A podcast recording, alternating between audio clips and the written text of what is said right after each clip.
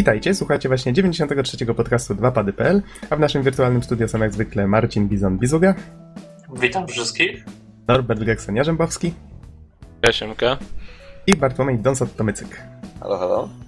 A mówi Adam Naksa 15 Dębski. Nagrywamy we wtorek 18 grudnia 2012. Panowie, święta się zbliżają. Jak nastroje? Jak zawsze. Świąteczne. Wpadajcie posprzątać do mnie. Z miłą chęcią, Bizonie. A wy możecie coś... To by się źle skończyło, jak u Roberta ostatnio. Wy możecie coś ugotować w zamian. A no właśnie, to, to takie gorsze części świąt, czyli przygotowania. Ale dobra, przejdźmy może do newsów. Do świąty naszych planów świątecznych i jakichś życzeń, to przejdziemy jeszcze pewnie pod koniec podcastu. Zobaczmy, co my tutaj mamy, bo nagrywamy zdziepko później niż zazwyczaj. Nazbierało się troszkę różnych rzeczy. Przede wszystkim ukazał się już ten. Ukazała się już ta fanowska gierka z Megamanem, nad którą Capcom patronat, że tak to ujmę, czyli Street Fighter X Mega Man. Bo obie gry, jeżeli się nie mylę, 25-lecie teraz obchodzą i właśnie jeden z fanów stworzył taką grę. Capcom zamieścił ją u siebie na stronie. Próbowałem ją ściągnąć, jak miała premierę. Nie pamiętam dokładnie jakiego to było dnia. Chyba 17, czyli wczoraj. Ale strasznie były zapchane serwery. Był jakiś straszny problem z tym. W każdym razie, jak tylko mi się uda w nią zagrać, to na pewno ją zrecenzuję. Link trafi pod podcast na pewno. Poza tym taka ciekawostka z Ludum Dare. To ty, Bizonie, wspominałeś o tej, o tej imprezie, 48-godzinnym tworzeniu gier na czas. Tak, tak. Wspomniałem w zeszłym tygodniu, że nasz znajomy Damian Nowakowski, czyli Zombie, będzie startował w tym konkursie. I faktycznie wystartował, wszystko odbyło się zgodnie z planem i stworzył grę. I teraz pytanie, co to jest za gra? I tutaj podobno już Adam się interesował lepiej. Znaczy, ja próbowałem w nią zagrać, ale nie udało mi się jej odpalić. Muszę z Damianem porozmawiać dlaczego. Pewnie coś tam wiesz, jak wiadomo, jak się grę tworzy na szybko, to nie dba się o to, żeby działała wszędzie, zawsze i, i sprawnie. W każdym razie nazywa się Multigon A Story About an Unloved Mesh. Historia o niekochanym, niekochanej siatce. Tytuł. Słucham? Bardzo ciekawy tytuł. Tak, to, historia to, niekochanej to, siatki. Po, po samej nazwie zalatuje jakąś grą indie. Wiesz, bo tematyką tegorocznego Ludum Dare, znaczy tegorocznego, no to to się odbywa częściej, ale tej imprezy akurat było yy, i ty jesteś yy, czarnym charakterem, coś w tym rodzaju. I gierka z tego, co się orientuje, polega jakoś na łączeniu punktów, chyba tworzenie w każdym razie jakiegoś, jakiejś takiej siatki z poligonów. I ona musi zjadać kolejne punkty, wiesz, te punkty niby są dobrymi ludkami i ten poligon jest zmutowany, zły i, i ze względu na to zjada te kolejne punkty i staje się jeszcze bardziej zmutowany, jeszcze bardziej zły. Coś w tym rodzaju. Czyli przykład, jak można na podstawie prostego pomysłu stworzyć coś nietypowego. Ja tak dorzucę od siebie, że ja grałem mhm. w grę Sosa, twórcę MacPixela, mhm. z Ludum Dare właśnie najnowszego. No i swoją drogą jest zarąbista, tak? A co stworzył? Taką Metroidvanię. O. Początek jest taki, że dole się gdzieś budzi i tak patrzy na siebie, hmm, mam kul czarne okulary, hmm, noszę czarny garnitur, muszę być złym szpiegiem, który próbuje zniszczyć jakieś tam tajne laboratorium. E, no i właśnie się wcielamy w tego szpiega i biegamy po tym laboratorium. Bardzo miła kontrola. W sumie wygląda jak pełnoprawna gra, taka indie. Polecam mhm. sobie spróbować. E, nie pamiętam niestety nazwy, ale może gdzieś zamieszczę linka pod podcastem czy coś. Ja na pewno wrzucę linka do całego spisu gier, które zostały wrzucone. E, jest ich 1328. Więc jakby ktoś chciał spróbować, to ma w czym przebierać. Myślę, że tyle, jeżeli chodzi o Ludum Dare. Co ja tu jeszcze mam? O, na przykład z Dizzy Returns. Pamiętacie, jak zachęcałem do e, wpłacania na Kickstartera? Obawiam się, że chyba się nie uda tej gry ostatecznie sfinansować, bo do końca zostało 67 godzin w tej chwili. Zebrać bracia Twins, e, znaczy, o, bracia, przepraszam, bracia Oliver E, chcieli zebrać 350 tysięcy funtów, zebrali tylko 24 tysiące 875, 816 osób wpłaciło. przez jakiś miesiąc nie udało się nawet jednej czwartej. Tak trochę, trochę przykro. Myślałem, że jednak Dizzy, no taki, taki znany tytuł, co nie klasyk, że uda się jednak uzbierać te pieniądze. Zastanawiam jak wygląda popularność Dizzy za granicą. No bo w Polsce na pewno jest popularna, a nie wiem jak tam z innymi krajami. Mhm. Nie no, wiecie co, ja zawsze miałem wrażenie, że Dizzy to jednak taka trudna gra dla wybranych. Nie wiem, no na pewno, na pewno była trudna, ale jako dzieciak się w nią zagrywałem, więc... Ja się zastanawiam, czy to nie jest kwestia rozreklamowania tej akcji. Może ona po prostu słabo była reklamowana, może ludzie po prostu nie wiedzieli, że taka akcja jest prowadzona w tej chwili. Nie śledziłem aż tak. Prostu w którymś momencie zobaczyłem, że ją prowadzą, okej. Dla mnie to oczywiste, że to jest fajne, kultowe. A tak patrzę, najwyraźniej nie jest to aż tak popularne jak wiele innych tytułów w tej chwili.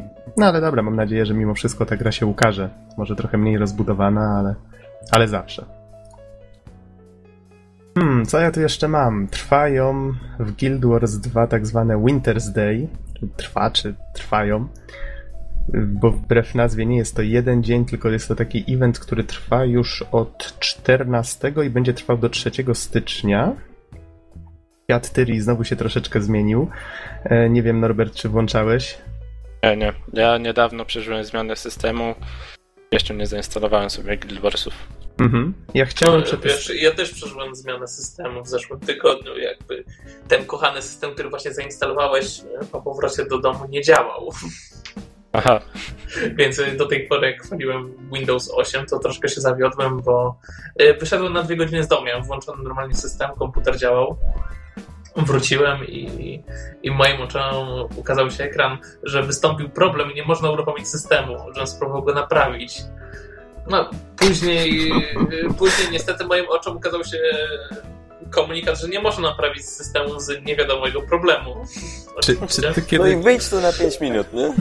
I wiesz, zostawiłem sam komputer i już jak wróciłem, to, to nie działał, skończyło się formatem niestety. Nic się nie dało zrobić. O A może- Boże. a może twój piesek tam coś przy nim kombinował, czy coś? Nie, bo piesek był ze mną. A, To komputer coś kombinował i nagle, o nie, już wraca. Ups. Pró No próbuję i się naprawić.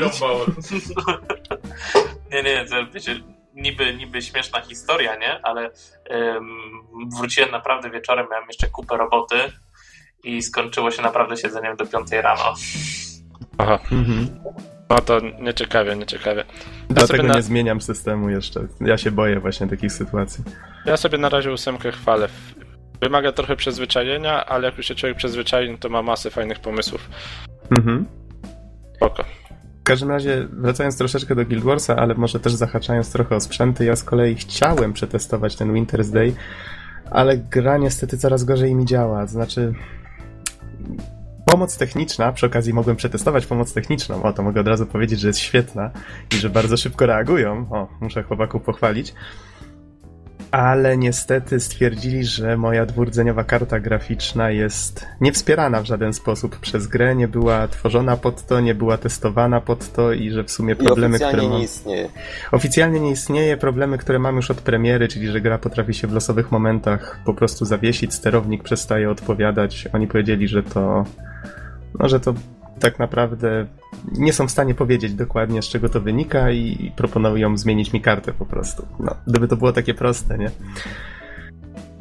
Niemniej próbowałem grać, ale się zniechęcałem właśnie tym, że gra coraz częściej mi się wywala z miesiąca na miesiąc. Nie wiem zbytnio. Udało mi się jedno jumping puzzle przejść. Ogólnie rzecz biorąc, Lions Arch, czyli to główne miasto łączące kultury tego świata gry, zostało przyozdobione różnymi ozdobami. Pojawiły się tam jakieś takie gierki w rodzaju właśnie tego jumping puzzla, czyli takiej, takiego jakby toru przeszkód do przejścia. Pojawiły się jakieś, jakaś gierka muzyczna, jeszcze chyba jakaś gierka drużynowa związana z rzucaniem śnieżkami. No właśnie, jak mówię, nie zdążyłem tego wszystkiego przetestować. I po całym świecie gry z dnia na dzień lata taki statek, no takiego niby Mikołaja, w tym przypadku jest to Asura nazywający się Tix, który produkuje zabawki. Każdego dnia odwiedza inną stolicę i można odwiedzić ten jego statek i tam z tego co wiem są jakieś właśnie eventy związane z tymi zabawkami. No jak się domyślam, one się tam pewnie spod kontroli pewnie wyłamują i trzeba z nimi walczyć. Gdzieś wyczytałem, że to jest jakiś tryb hordy, czyli że się broni jakiegoś punktu przed masą zabawek, które atakują z każdego punktu. Sounds Ale creepy. może to jeszcze. Do 3 stycznia może to jeszcze uda mi się zweryfikować jakoś dokładniej. W każdym razie, jak zwykle, fajny, darmowy, fajna, darmowa aktualizacja. Zawsze jakaś dodatkowa motywacja, żeby wrócić do Guild Warsa i z tego co widzę już jest szykowana jakaś na styczeń, bo się kolejna kłódka pojawiła na stronie. Więc fajnie, z miesiąca na miesiąc coraz więcej się w grze pojawia. Nawijał No to ja mam taki news, mianowicie pojawiło się trochę filmików z Runnera, naszej ulubionej gry. O no! Oh yeah! Nie, gra po prostu wymiata muzyką i jeżeli chodzi o dwójkę, tutaj Mhm. ponownie mamy genialną muzyczkę. Warto obejrzeć te filmiki chociażby, żeby sobie posłuchać tych utworów, no bo one są takie bardzo, bardzo przyjemne. Ciężko mi to powiedzieć, jakby oddać ten ich urok słowami, ale są genialne. No dobrze, ale to jest gra polegająca na tym, że biegniesz przed siebie i naciskasz przyciski, żeby unikać konkretne przeszkody. Tak, ale jakby mm, podczas tego ty też jesteś częścią tej muzyki, tworzysz niektóre te bity. Mhm. E, no i po prostu daje to taką satysfakcję, przynajmniej mi. Słuchanie tej muzyki, którą jakby po części sam tworzysz, występujesz w rytm klawiatury. No nie wiem, mi się bardzo podoba, tak? Takie połączenie platformówki z, z ciekawym tym. Powiedz, co usprawnili w dwójce i kiedy wyjdzie? E, nie wiem kiedy wyjdzie, nie pamiętam niestety. No i grafika wygląda zupełnie, zupełnie inaczej. Tego Znaczy, tutaj... Mhm. Myślę, że inaczej. d- d- Trudno tutaj stwierdzić, czy lepiej, czy gorzej. Moim zdaniem ten Beat Trip Runner jako kubka pikseli biegająca, zupełnie płaska, był bardziej pociągający niż trójwymiarowy model. Myślę, że, że tutaj troszeczkę się kłóci konwencja. No ale to jest kwestia gustu. Tutaj widzę, że celują bardziej w taką kreskówkę, kojarzącą się trochę z tworami Pixara. Dobrze myślę? Można, mo- można i tak mierzyć, rozkładać to na części pierwsze, po prostu jest inna grafika, trzeba zobaczyć i Mhm. Gra na pewno będzie warta uwagi. A, Naprawdę, tak, poprzednia część, mimo swojej prostoty, jest po prostu przefajna. Soundtrack był świetny i powiem wam, że nawet czasem zdarza mi się słuchać samego soundtracku podczas sprzątania. Na przykład w domu. Super O, sprawa. a ja tutaj już widzę na liu.pl, że w e-shopie Wii U pojawi się w przyszłym roku. Gra nazywa się Beat Trip Presents Runner 2 Future Legend of Rhythm Alien. What? To... mm. Tak, bo to ma tam jakieś powiązania z że on jest niby obcym, tak? Nie, nie, to znaczy cały tytuł, jakiś, nie wiem, to jest tytuł? Beat Trip Presents Runner 2?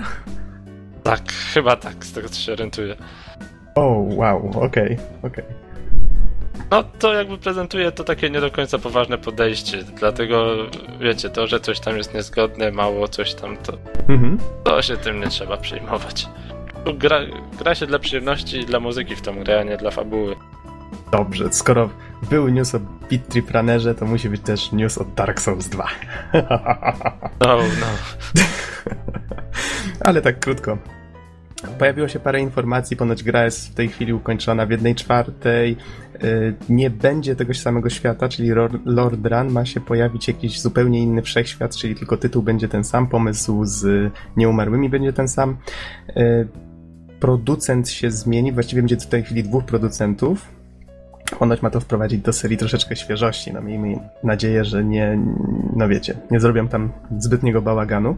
I poziom graficzny ma być na poziomie Watch Dogs, które no wszyscy strasznie chwalili. Czy innymi słowy, gra na, prawie na pewno wyjdzie na konsolę następnej generacji, znaczy nowej, czy obecnej, czy jak zwał, tak zwał. Wszyscy wiemy, że ta grafika i tak nie będzie nas zwalać z nóg bardziej niż to, co żeśmy widzieli z Unreal teraz, z tych pokazówek, co nie? I CryEngine. Okej, Żyjemy, co jeszcze? Co jeszcze z Dark... No, tak mi się wydaje przynajmniej, chciałbym być mile zaskoczony. E, Co jeszcze z Dark Souls 2? Pojawiła się petycja. Fani stwierdzili, że gra powinna się pojawić na Wii U.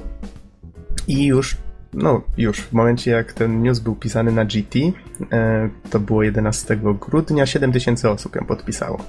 Teraz pewnie jest już więcej chętnych. A ty, Norbert, podpisałeś? Nie, nie. Bo tam trzeba wysyłać swoje prywatne dane, ja nie lubię takich rzeczy niestety.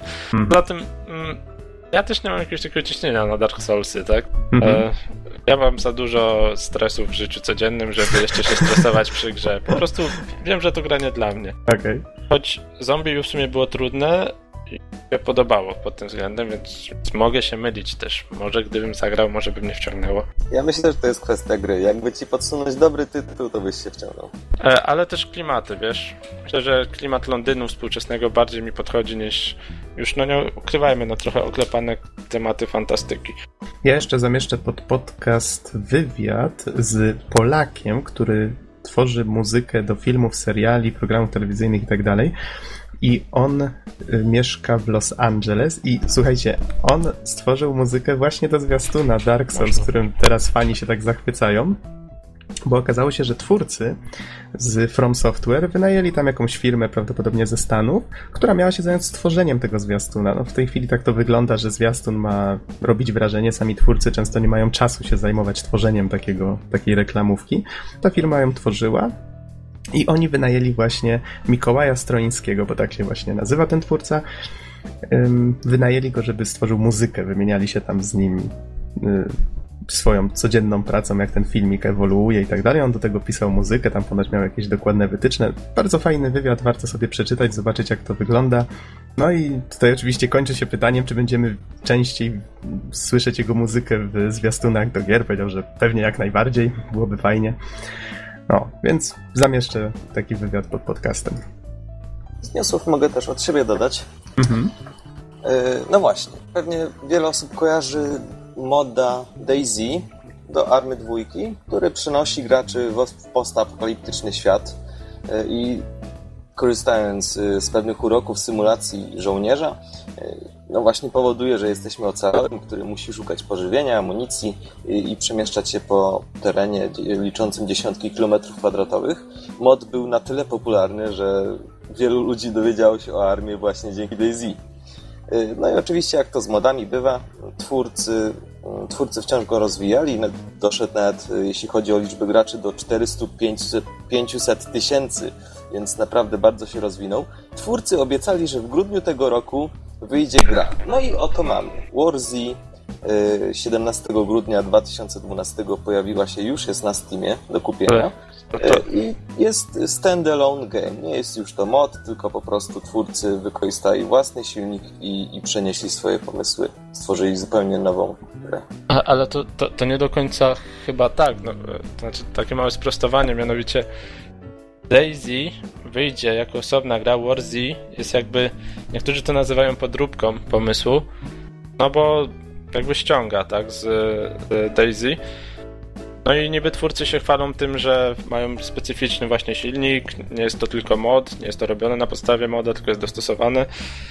No na pewno do minusów gry trzeba zaliczyć, że ma system mikropłatności, czyli pewnie gracze, którzy będą płacić, będą mogli sobie kupować jakieś zasoby i inne rzeczy, w wyniku czego będzie im łatwiej przeżyć. A słuchajcie, ja nie jestem zorientowany zupełnie w temacie, chociaż no, troszeczkę słyszałem dobrego między innymi od was o tym Daisy. Czy to są, to jest ten sam twórca właśnie, bo tutaj nie nadążałem za bardzo. No właśnie, ja nie jestem pewien, ale jeśli wierzyć Gexenowi, to nie. Aha. Gexulet rozumiem, to że- jest? E, a jeszcze raz pytanie dokładnie? Czy to jest ten Czy- sam twórca, czy to są jakby dwie zupełnie niezwiązane ze sobą? Nie, Warzy i Daisy to są niezwiązane ze sobą w żaden sposób. Aha, no właśnie. Tak, tak. Mhm. Czyli faktycznie można podejrzewać no, o ściągnięcie, bo pomysłu i klimatu. A już sobie smaka narobiłem, bo powiedziawszy o Daisy Ale- wiele dobrego słyszałem, wiele dobrego widziałem.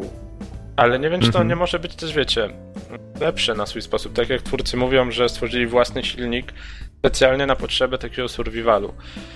Tam mamy moda, bazujący coś na modzie, tak? Mamy sporo, no nie ukrywajmy, rzeczy nadmiarowych, sporo rzeczy często łatanych jakoś na krótko pewnie, żeby to działało.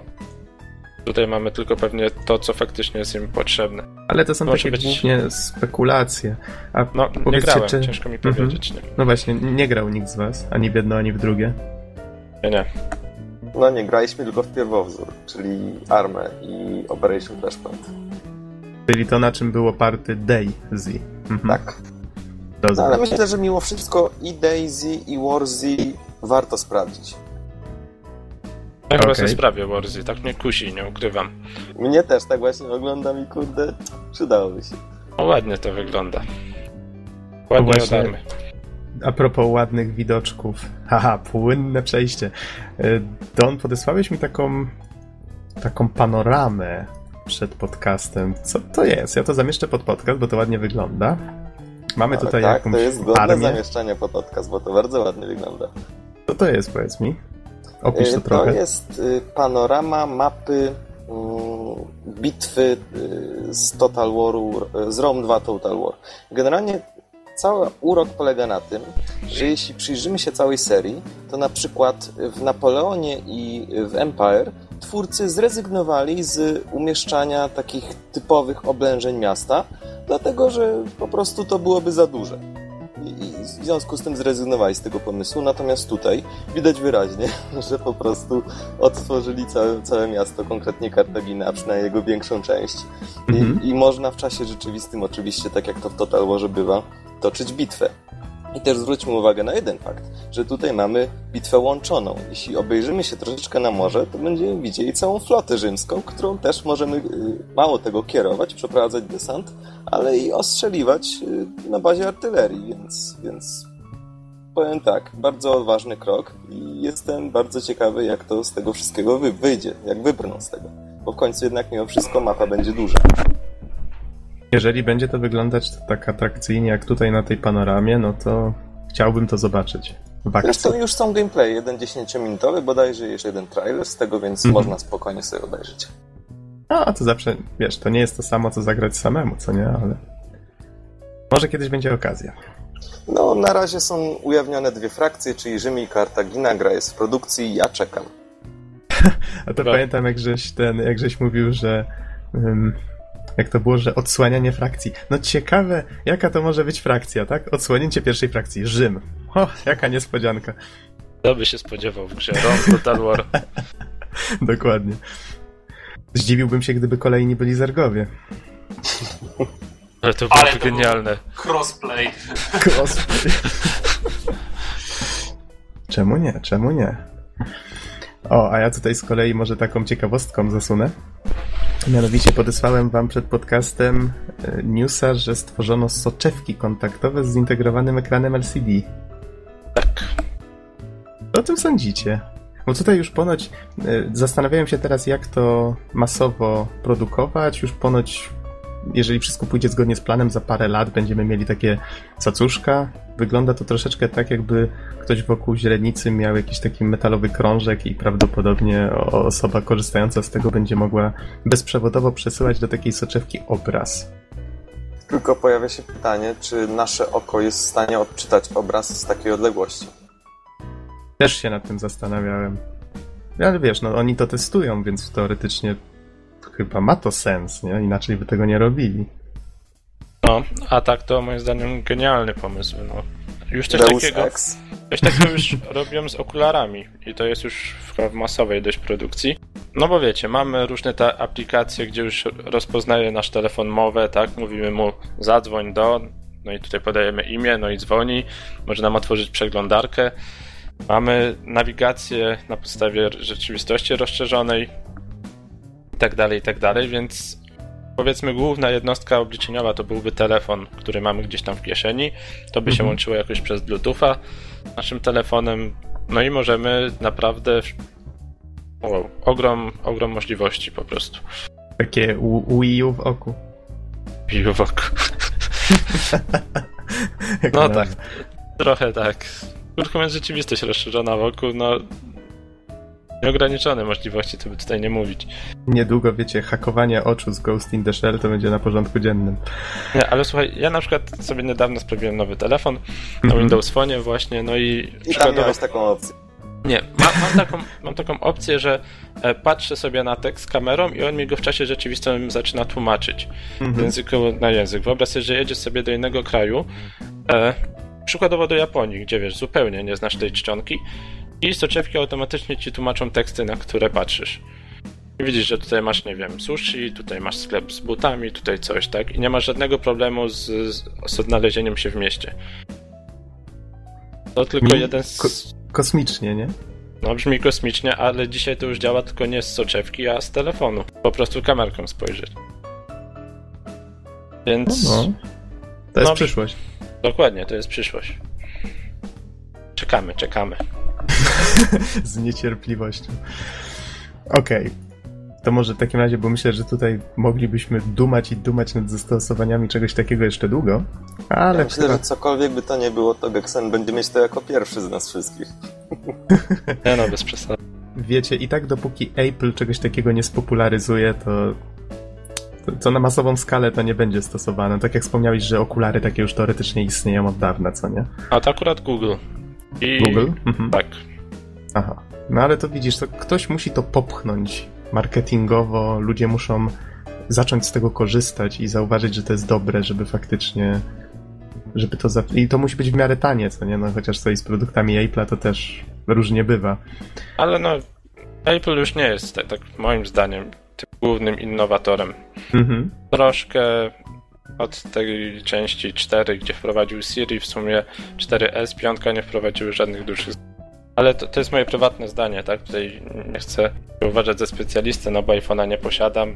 Może... No wiesz, Bizon już tutaj ostrzy kołek, więc ostrożnie. Nie, no nie ma co oszczeć, tak? Oni, oni grają ostatnio bardzo bezpiecznie, tak? Mhm.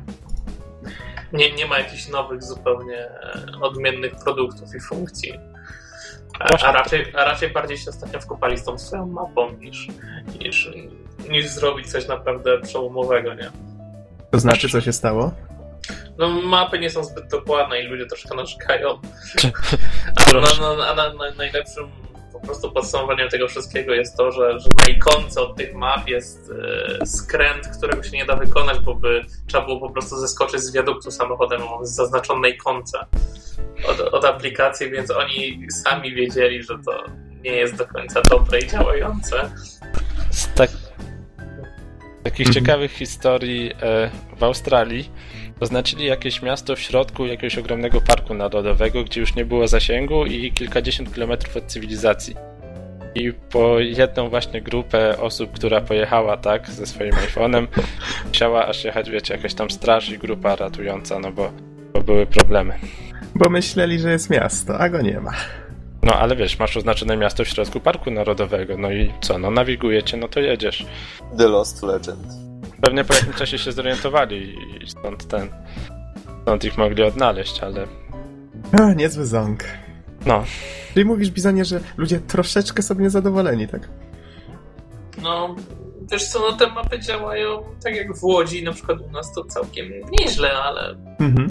ale, ale gdzieś po prostu bywają jakieś takie problemy i faktycznie ktoś się może zgubić, zwłaszcza Amerykanie, nie? Okej. Ech, Dobra, zostawmy już tego Apple'a. Nie męczmy go więcej. Ja już w takim razie sypnę tutaj takimi kilkoma krótkimi newsami. Przede wszystkim, nie wiem czy słyszeliście, ostatnio o Stalkera się boje toczą. Zresztą z dwójką to strasznie jakoś bez przerwy słychać, że a to tam pracują nad nią, a to nie pracują, a to ostatecznie, że studio już nad nią nie pracuje, robią coś innego, a właściciel ciągle ma prawa, bla bla bla bla bla, ciągle coś tam się zmienia. I teraz jeszcze coś innego się wynurzyło, mianowicie firma Beat Composer ponoć przejęła od Borysa Strugackiego, który no niestety niedawno zmarł, czyli jednego z twórców pikniku na skraju drogi, na którym no, był wzorowany, czy inspirowany właściwie Stalker, przejęli od niego prawa właśnie do no i właśnie tak za bardzo nie wiadomo do czego. Prawdopodobnie do jakby tego świata opisanego w pikniku na skraju drogi, bo twierdzą, że przejęli prawa do Stalkera. Ta firma, z tego co tutaj wyjaśniali, wyjaśniał GSC Game World, oni ponoć byli wydawcą z, y, Stalkera ze w Prypeci w niektórych państwach, no i tamta firma twierdzi w, w swoich wypowiedziach, że e, prawdopodobnie e, GSC nigdy nie posiadało praw do Stalkera, że teraz oni je posiadają, ci drudzy twierdzą, że to nieprawda, że tak naprawdę mają patent na Stalkera i tak dalej. Już po prostu wszyscy zgłupieli, nikt nie wie, co się dzieje. Nie wiem, czy słyszeliście coś o tej sprawie? Macie jakieś przemyślenia na ten temat? Ja nie słyszałem akurat o tej sprawie, ale no faktycznie tak jak mówisz, że od w sumie roku około mamy różne wieści, że on jest w produkcji, że nie jest w produkcji, że ktoś tam ma prawa, że ktoś to przejął i tak szczerze to ja już to przestałem śledzić, bo nie widzę w tym sensu. Czekam po prostu, aż wyjdzie gra. Mhm. Tyle. Za dużo polityki.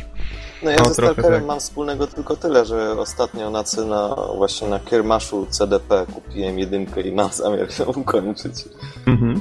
O, to fajnie, to sobie podyskutujemy, bo mnie się podobała swojego czasu. Ja z kolei, wiecie, tak myślałem troszeczkę nad tym i wydaje mi się, że to działa na tej zasadzie, że oni inspirowali się Stalkerem, znaczy Stalkerem, inspirowali się piknikiem na skraju drogi, stworzyli sobie tego Stalkera i tamci, korzystając z tego, że w książce chyba określało się ich mianem Stalkerów, nie, nie, nie jestem pewien, ale chyba tak, że oni po prostu wykorzystali to, żeby przejąć prawa do tego świata książkowego i teraz niejako dowodzić, że to jest zbyt podobne do tego, więc to wiecie, jest plagiat. Myślę, że tak próbują ich trochę, no wiecie, skok na kasę, nie? Coś w tym rodzaju. Kurczę, tylko wiesz, na przykład w metrze też jest określenie stalker i Mhm. to jest jakby, no wiesz, określenie profesji, które jakby, wydaje mi się, że już się trochę bardziej rozszerzyło i nie wiem, czy coś by skórali w ten sposób. Być może, ale w, akurat w książce też jest motyw zapuszczania się, wiesz, do jakiejś takiej strefy właśnie, chociaż tam nie był to Czarnobyl. No nieważne, tu można się, wiesz, można się rozwodzić, dyskutować i tak dalej, ale sprawa jest w każdym razie jakaś szemrana. Straszne, dziwne rzeczy się wokół tego Stalkera ostatnimi czasy dzieją. Dobrze, miało być krótko, więc teraz jeszcze krócej. The Secret World, czyli te, to MMO Fancomu, w tej chwili ma być sprzedawane tak samo jak Guild Wars 2, czyli płacisz raz i grasz cały czas. Ludzie mówią, że Secret World ponoć no, nie jest w najlepszej kondycji. Już od samej premiery ponoć ilość graczy nie jest zbyt duża, więc pra pra prawdopodobnie próbują ratować w ten sposób tę grę. No może jest to jedyna okazja, żeby spróbować w nią zagrać, jakby ktoś był zainteresowany. I jeszcze inny taki news, który rzucił mi się w oczy. Yy, opowiadałem swojego czasu o takiej gierce Hajdorach.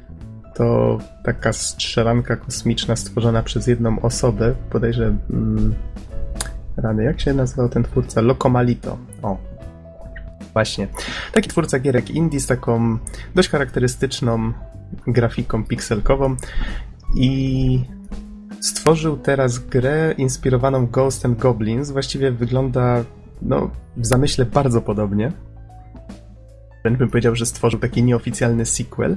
Gra się nazywa mm, Maldita Castilla. Nie wiem, czy to dobrze przeczytałem. W każdym razie zamieszczę zwiastun pod podcast. Myślę, że warto się zainteresować, zwłaszcza jak ktoś chciałby zagrać w coś podobnego po latach. Ghost and Goblins. Ghosts and Goblins. I w sumie ostatni news ode mnie to to, że Amnesia Fortnite, czyli ta akcja, którą Double Fine zorganizowało, już właściwie do jej końca zostało 3 dni i 10 godzin w tym momencie. Pewnie jak zamieścimy podcast, to będzie tego czasu już bardzo niedużo. Przypomnę, że polegało to na tym, że Double Fine, no swoim zwyczajem ponoć, organizowali taki jam wewnętrzny w swoim studio. Ludzie dzielili się na grupki, każda z nich stworzyła jakąś grę opartą na jakiś swój własny pomysł, na jakimś swoim własnym pomyśle i potem oni jakby głosowali nad tym, co im się najbardziej podoba, co warto rozwinąć i teraz postanowili to wyprowadzić poza studio i dać ludziom możliwość głosowania, y, które te gry im się najbardziej podobają i kilka z nich miało zostać, tych właśnie najlepiej ocenionych, miało zostać dopracowanych na tyle, żeby można było wypuścić taki grywalny prototyp, żeby ludzie mogli sobie w niego pograć. Takie coś w rodzaju demka technologicznego. Mogę to skomentować w jeden sposób. Aha. Z tego co słucham już wcześniej nawet, te różne akcje Double Fine'a to jest po prostu mistrzostwo marketingowe. Wyróżniają się od konkurencji, od innych firm i myślę, że w ten sposób mogą zyskać rozgłos. Mhm. No, No bo w jakiej innej firmie była tego typu akcja? No właśnie, to prawda, że oni jakby nie, nie tyle debiutują, co próbują wprowadzać te swoje takie innowacyjne pomysły. To tak jak żeś zresztą wspomniał, to jest bardzo sprytne marketingowo, prawda? Na początku z tym Kickstarterem, przecież to oni tak naprawdę rozhulali Kickstartera pod kątem gier. Nagle wszyscy zobaczyli, że ej, to można wrzucić swój projekt gry i ludzie nagle rzucają w ciebie milionami, nie? tak, ja tak jeszcze bym dodał, że wiecie, ja, ja obejrzałem właśnie ten filmik. Mhm. E, no i no i tak jak Don powiedział, mistrzostwo marketingu, ale tak sobie zadałem pytanie, kurczę, czemu mam płacić kasę za prototypy, tak? Czyli, no nie ukrywajmy, oni tworzyli to około dwóch tygodni, to nie ma opcji, żeby to była jakaś ciekawa gra, tak? Chodzi mi taka pełnoprawna. Pewnie jest bardzo zabugowana, pewnie w sumie trwa 5 minut taki prototyp. Mhm. Za tą kasę wolę sobie kupić po prostu jakiegoś bundla, gdzie będę miał prawdziwe gry, chociażby THQ Bundle, który był całkiem niedawno się skończył. No i kurczę, moim zdaniem takie wiecie, wyciąganie ludzi od ludzi kasy na prototypy no jest trochę nie fair. Z drugiej strony, z drugiej strony, wiecie, akcja jest o tyle sympatyczna, że no, promuje nietypowe pomysły i jeszcze taka jedna rzecz, która myślę, że jest tutaj dużo ważniejsza. Nie dajemy, nie musimy dawać tej kasy przecież Double Fine. To jest też akcja charytatywna. Możemy w całości przelać te pieniądze na e, Child's Play. Tak, ale chodzi mi jakby o samą wartość otrzymaną, tak, że nie otrzymujesz Mhm. żadnej pełnej gry. Otrzymujesz prototyp, z której oni sobie później stworzą grę i będą mogli ci ją jeszcze raz sprzedać za tę kasę. No, Aha. tak to wygląda po prostu. Płacisz im za... Trochę jakbyś miał płacić za demko niedopracowane bardzo, bardzo i trwające 5 minut. Za cztery takie demka To, dokładnie. tak, tak też można na to patrzeć. Znaczy nie jestem pewien ile dokładnie. E, chyba pięć, pięć tych gier chyba ostatecznie zostanie przerobionych. Hmm? Tak, pięć gier Hack and Slash, The White Bi- Birch, Black Lake, Autonomous i Space Base DF9. Takie gierki zostały wybrane. I z tego co widzę, ta najwyżej oceniona to było 8414 osób zagłosowało. No, czyli całkiem sporo, nie? Jednak ktoś to śledził, ktoś był zainteresowany. No ale to już każdy niech osobno oceni, co sądzi na ten temat. Każdym razie warto szybko się zainteresować, bo faktycznie czasu jest niewiele. No i co trafi pod podcast w formie filmiku? Właściwie miałem problem z wybraniem czegoś ciekawego. Jedyne co mi wpadło w oczy to coś zupełnie niezwiązanego z grami, teoretycznie, czyli zwiastun filmu Pacific Rim. Tutaj Guillermo del, Soro, del Toro wynajął e, Elizabeth McQueen, dobrze mówię? To, tą aktorkę, która grała GLaDOS z Portala.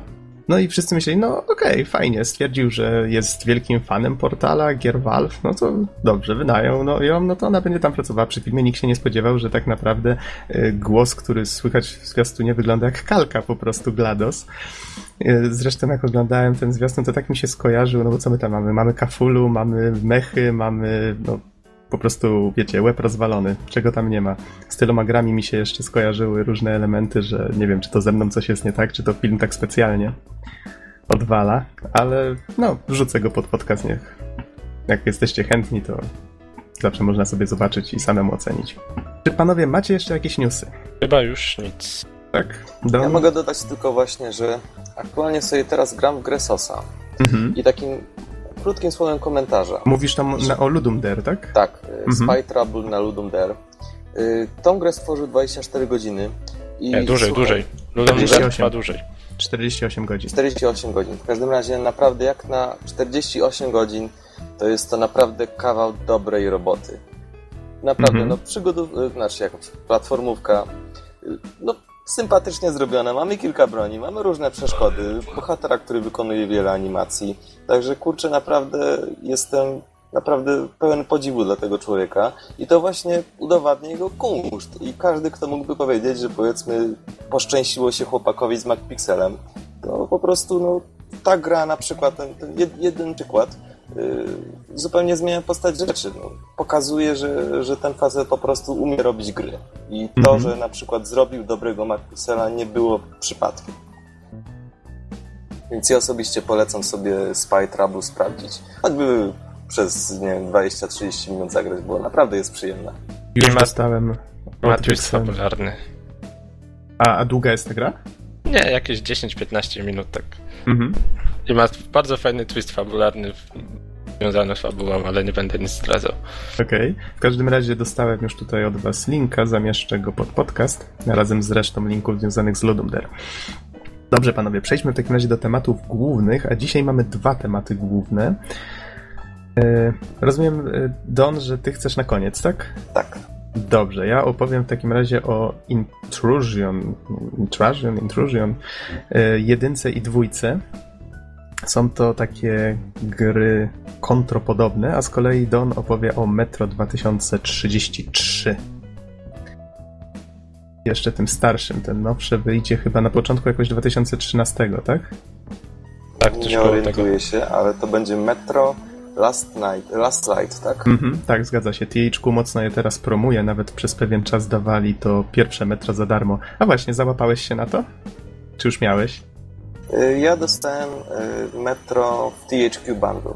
A, no właśnie, THQ teraz wszędzie się pojawia.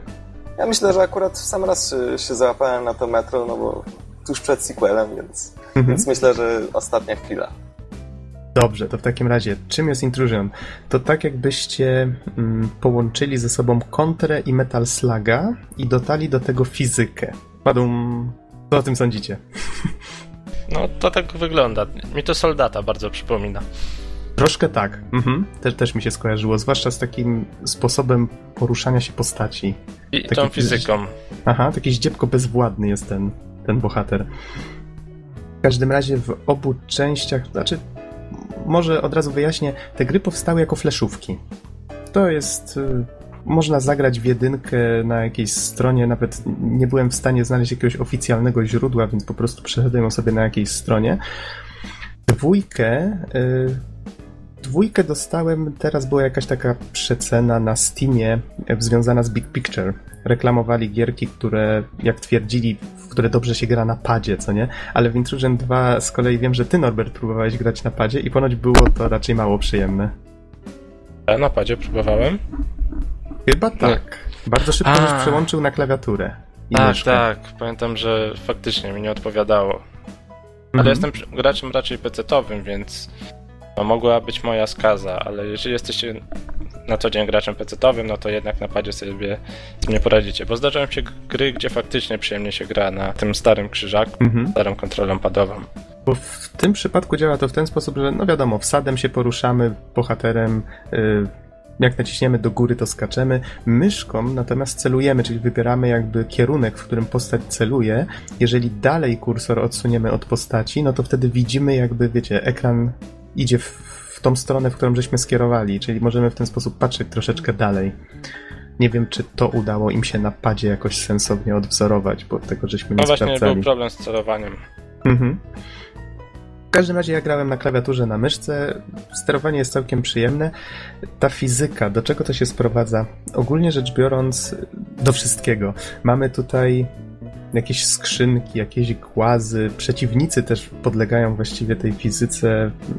Niektórzy z nich są w ogóle zbudowani z kilku różnych części. Na przykład jest taki robot, który przypomina, nie wiem, czy to jakiegoś tygrysa, czy coś takiego właśnie dziwnego. I on potrafi się dostosowywać do terenu, potrafi chwycić na przykład przednimi łapami jakąś platformę, na którą próbuje się wskrabać. Tylnymi łapami na przykład chwyta jakąś skrzynkę, robi jakiś przewrót, rzuca w nas tą skrzynką, jednocześnie ogonem wywija. Ogólnie rzecz biorąc, to co jest fajne w tej grze, to to, że ona tworzy masę takich nieprzewidzianych sytuacji. No, wi- wiadomo, w kontrę jak ktoś grał, to wie, że to jest taka pamięciówka. Czyli przechodzimy te etapy, kusimy, zaczynamy jeszcze raz. No i tutaj już popełnienie tego samego błędu jakby z, każdym, z każdą kolejną próbą maleje, już po prostu wiemy, co się wydarzy, potrafimy się dostosować do danej sytuacji. Tutaj rodzi się no, dużo takich sytuacji, w których faktycznie trudno, trudno przewidzieć, co się za chwilę może stać. Bo mamy właśnie tych przeciwników, którzy w jakiś tam fajny sposób e, różne takie fajne sytuacje tworzą. Mamy elementy otoczenia, które są ruchome. No nie wiem, na przykład walka toczy się na jakichś wielkich skrzyniach i te skrzynie się przechylają, albo mamy jakieś e, skrzynie, albo jakieś pale właśnie na wodzie pływające i, i ta ciecz zaczyna falować i to wszystko, wiecie, zaczyna się ruszać, a my musimy jednocześnie biegać, musimy celować, musimy e, unikać pocisków, więc to jest fajne, to jest fajne w tej grze. Przy czym przeszedłem dwójkę, znaczy zacząłem sobie w nią grać. Gram, gram, gram, gram, gram. Jeden boss. No, super, boss jest zajebisty. Nie? Potem gram, gram, gram, gram. No, następny boss. Okazało się, że dwójka składa się z trzech bossów, przy czym walcząc z trzecim, myślę sobie, wow, ale ta walka jest zajebista. Co ten facet chce wrzucić na koniec tej gry, nie? Jak już takie coś zaserwował. I nagle, okej, to jest już koniec. O, więc jedyne, czego mi w tej grze zabrakło, to jakieś takie sensowne dawkowanie e, napięcia. Właśnie nie jestem pewien, wiecie, starałem się dojść, dlaczego ta gra nie spodobała mi się tak, jak powinna. Czegoś w niej takiego brakuje. Właściwie przez całą grę nie byłem pewien, czy ona już zbliża się ku końcowi, czy nie. Y, Wiecie, o czym mówię. Taki zazwyczaj w grach jest jakieś takie wrażenie, że, No że tak, ona takie, zbliża się już powoli do końca. No nie wiem, w Mario. W Mario zaczynamy na przykład na jakimś zielonym polu, co nie? Potem mamy różne światy, a na końcu mamy zamek Bowsera, lawa, cuda niewidy, koniec świata.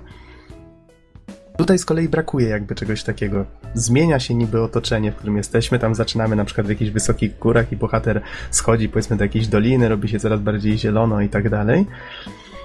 Ale nie czuć, nie czuć właśnie jakiegoś takiego kończymy w lawie, w jakimś takim super epickim, nie wiem, sercu wielkiego potwora.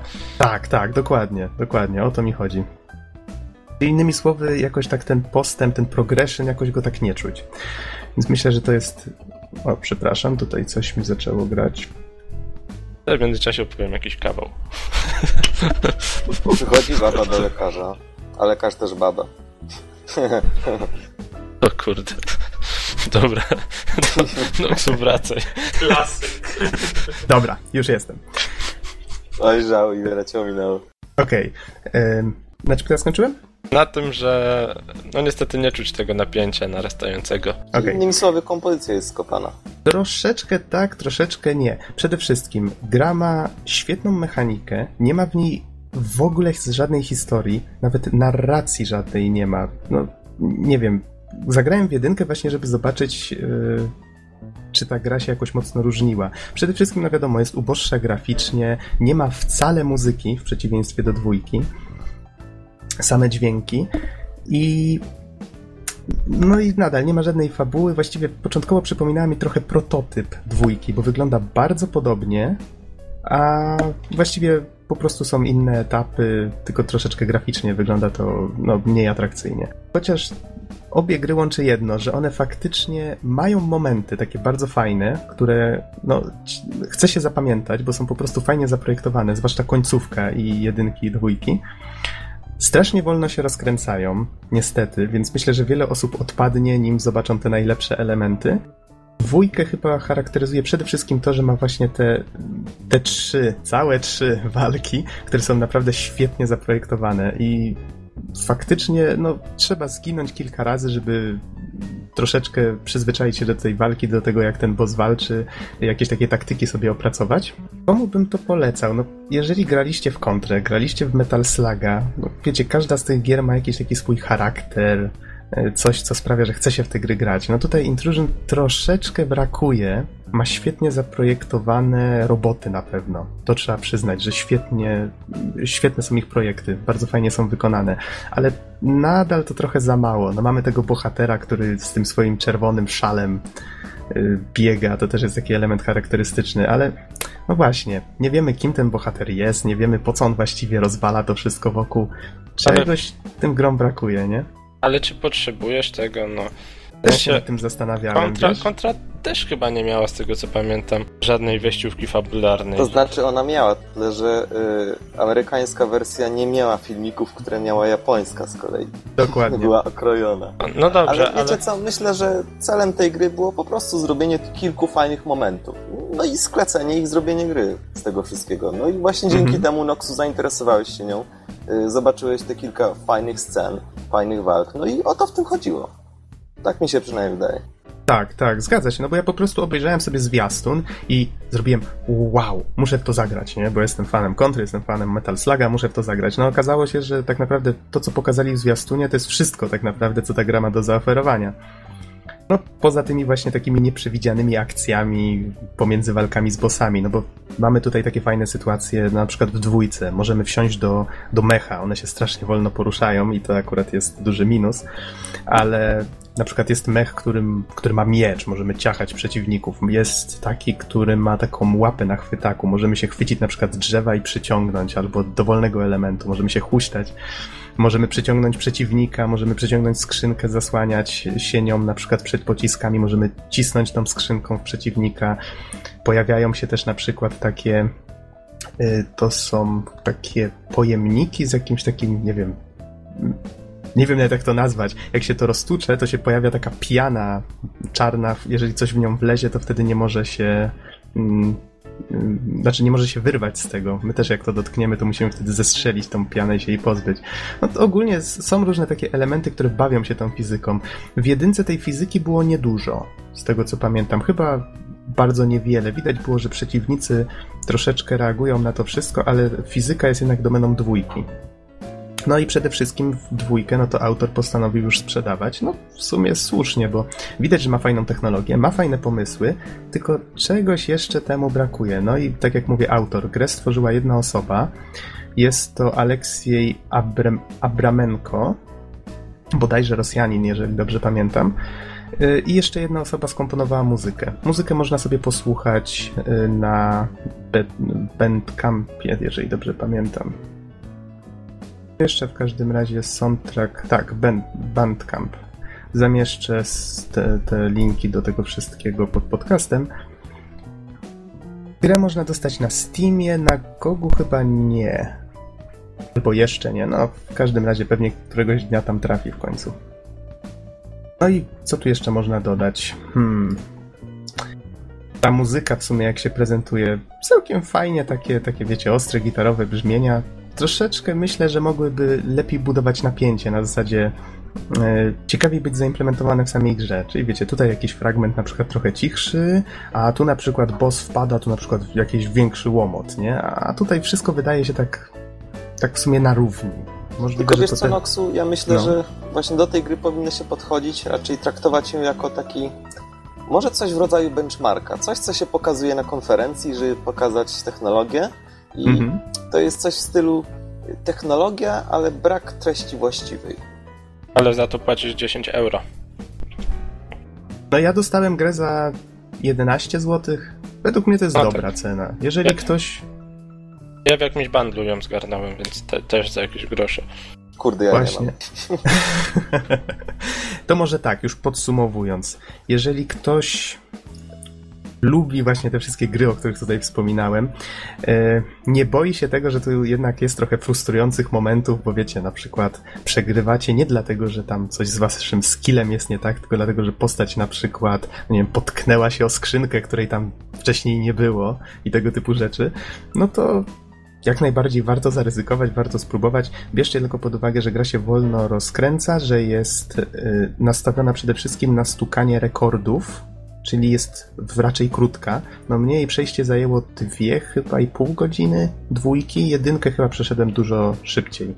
No i to właściwie tyle. Myślę, że warto. Myślę, że warto spróbować, jeżeli, jeżeli te wszystkie pomysły związane z zabawą z fizyką was zachęcają. Tylko, że tak jak mówię, 11 zł, 10 zł to jest, myślę, taka cena w sam raz.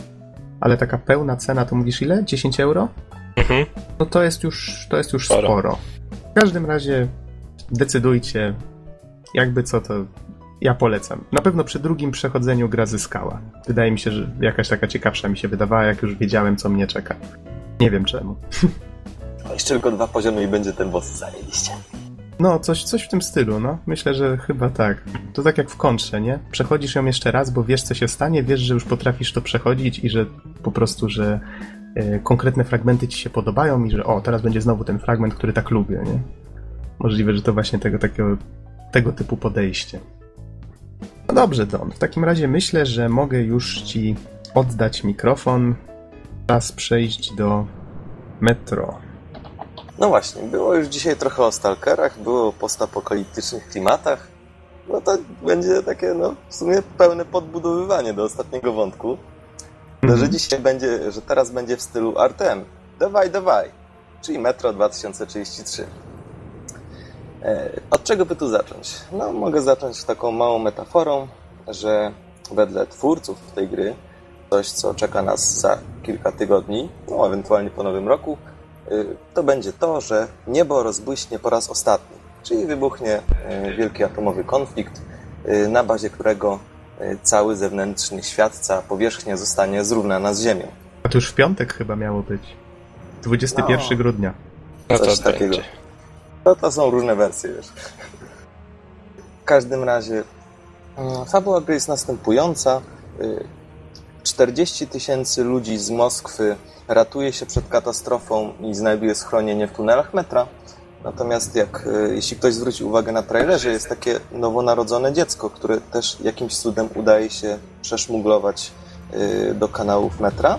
Mhm. No i oczywiście to jest właśnie postać tytułowa, czyli Artem. Natomiast całość zaczyna się 20 lat później, czyli w 2033 roku. Artem żyje sobie spokojnie na swojej stacji, ale nagle pojawia się pewne dziwne zagrożenie. Tak zwani czorni, albo inaczej homo novus. Dziwny rodzaj człowieka, który ponoć jest jakimś nowym ogniwem, e, nowym ogniwem i w sumie nowym etapem ewolucyjnym człowieka, za sprawą tej katastrofy zapewne. E, no i cóż, główny bohater postanawia wyruszyć na długą i niebezpieczną misję, e, żeby poinformować młynarza w stacji Polis o tym, co się dzieje, no i spróbować razem z nim coś z tym problemem zrobić. O, oni tam mieli różne takie dziwne ksywki, co nie?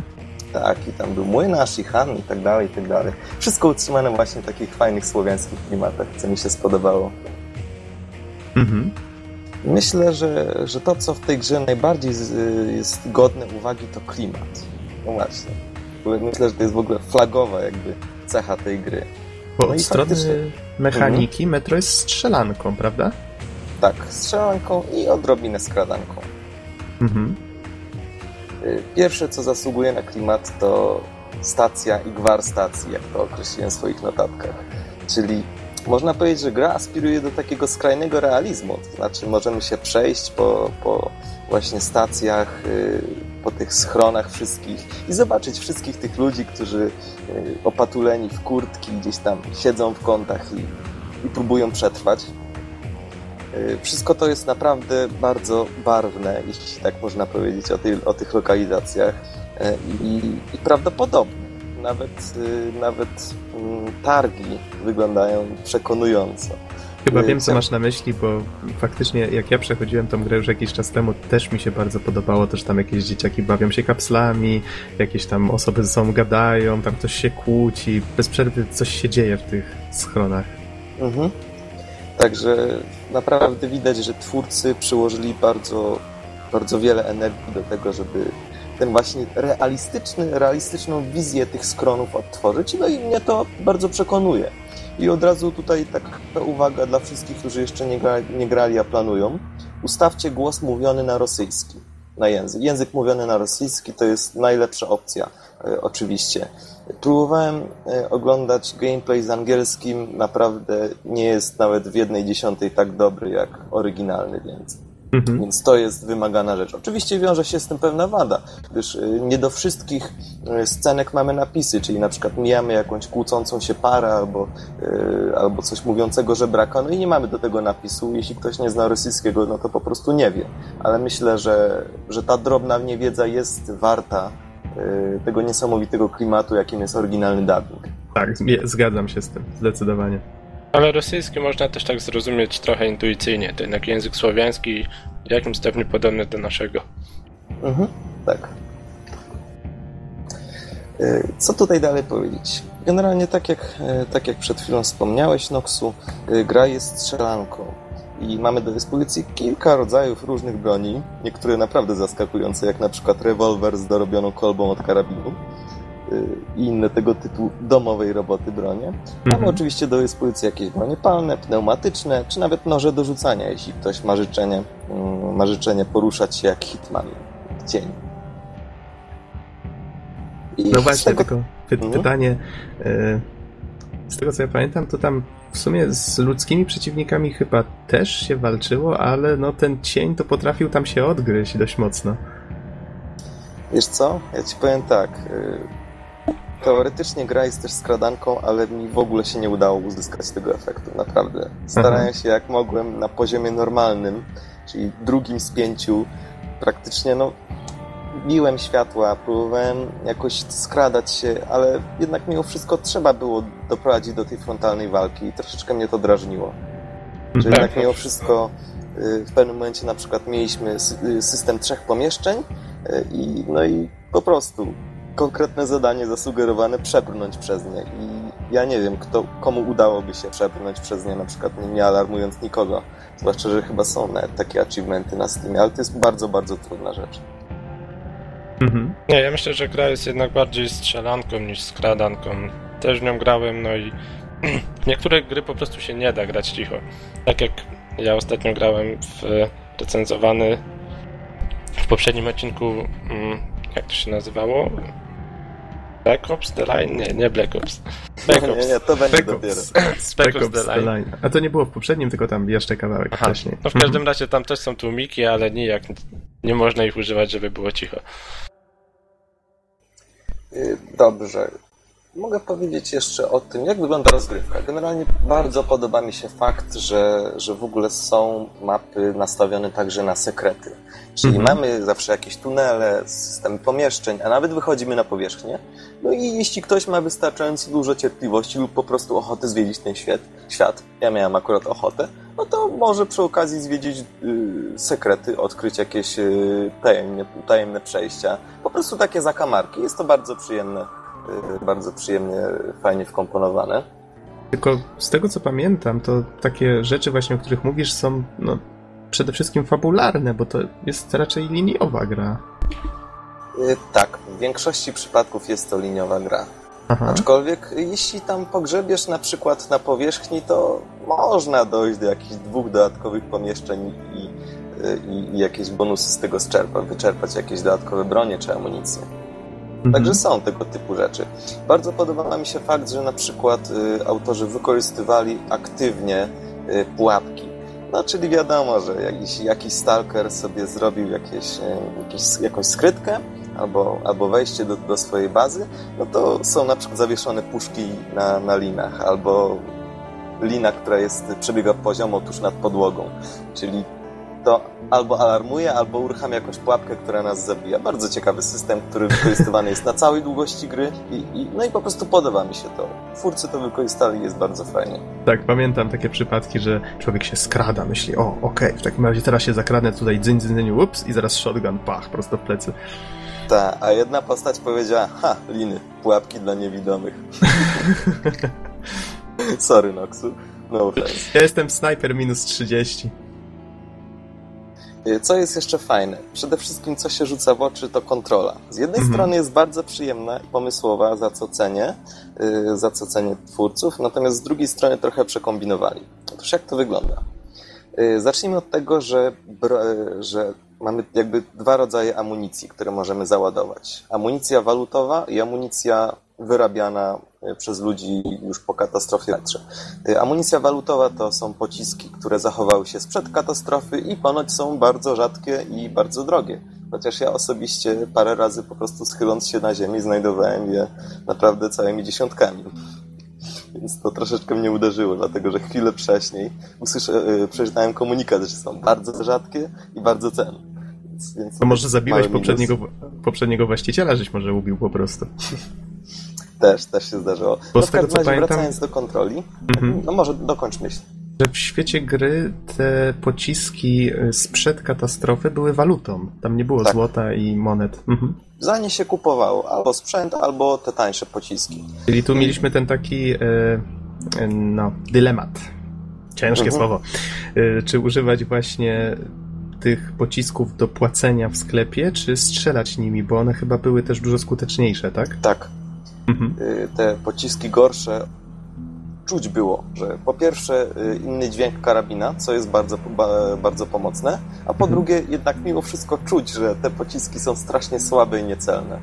Więc, y, więc w moim przypadku akurat wyglądało to tak, że ja w ogóle się w sklepie nie zaopatrzyłem z pieniędzmi, ale to z wyboru. Ale wracając do wątku kontroli. Mhm. Klik, przyciśniemy R, y, postać przeładowuje y, karabin, przytrzymamy R, postać przeładowuje pociski na płatne, że się tak wyrażę. Myślę, że to jest bardzo, bardzo pomysłowe. W wielu przypadkach y, wykorzystali ten mechanizm, czyli na przykład przytrzymujemy G, postać zakłada maskę, ściąga maskę, y, wciskamy G, postać zmienia filtr do maski. Y, Świetny pomysł. Zaoszczędzili w ten sposób przycisków i bardzo to jest wygodne. Ale jednak dużo recenzentów narzekało swojego czasu, że zupełnym przypadkiem przeładowywali sobie na te pieniężne e, pociski, nawet tego nie zauważając. Mi się przez całą grę ani razu nie zdarzyło. Moim zdaniem to też są brednie. Ja ani, ani jednego pieniężnego pocisku nie wystrzeliłem przez przypadek. Mhm. okej. I powiem, że to było naprawdę trafione rozwiązanie. Natomiast trochę namieszali, dlatego że z niektórych broni można przycelować drugim przyciskiem myszy, inne to znowuż jest atak wręcz drugim przyciskiem, natomiast jeszcze innych y, to było w dubeltówce wystrzelenie z drugiej lufy, więc tutaj trochę przekombinowali. Ale Mhm. poza tym, jeśli chodzi właśnie o to przytrzymanie, naciskanie, moim zdaniem bardzo dobry pomysł. E, Mogę, mogę na chwilkę przerwać? Mhm. E, to, to strzelenie z drugiej lufy może jest przekombinowane, ale jeżeli masz taką klasyczną dubeltówkę dwustrzałową, to ona ma dwa osobne spusty od właśnie lewej i prawej. I dlatego często w grach robią tak, że na przykład e, prawym przyciskiem myszki strzelamy jednym, a lewym strzelamy drugim. No tak, ja rozumiem, ale że jeśli w trzech różnych broniach drugi przycisk myszy znaczy zupełnie coś innego, to, to jednak troszeczkę jest to trochę kłopotliwe. No tak, A, no. to jest mylące, jak jest za dużo opcji pod jeden przycisk. Tak, no chyba, że tak. Y, No i wracając do tematu, głównymi naszymi przeciwnikami, takimi najczęstszymi są nasalisy, y, czyli mutanty. Y, Pojawiają się zarówno w tunelach, jak i na powierzchni. Głównie atakują albo raczej masami. I- zresztą wiele wydarzeń grze jest z tym związanych. Natomiast co mi się nie podoba z elementów gameplayów, duchy i anomalie. Mogę powiem tylko tyle, że niektóre tunele żyją swoim własnym życiem, poznają niektórych ludzi, innych nie poznają. I troszeczkę się rozczarowałem, że ten motyw pojawił się w grze tylko raz yy, w ten sposób, że my możemy się między tymi bytami przemieszczać. Ja się spodziewałem, że pierwszy raz, dobra, z przewodnikiem, ale potem radź sobie sam. Będą się losowo pojawiać tak jak przeciwnicy normalni. Yy, Ja grałem oczywiście na normalnym poziomie, ale kurczę, jednak mimo wszystko spodziewałem się, że te istoty też będą gdzieś tam się przewijać i, i na to też czekałem. Mam nadzieję, że, że na wyższych poziomach trudności one się pojawiają. Nie, wiem- nie wiem, czy wy się orientujecie, jak to z tym jest.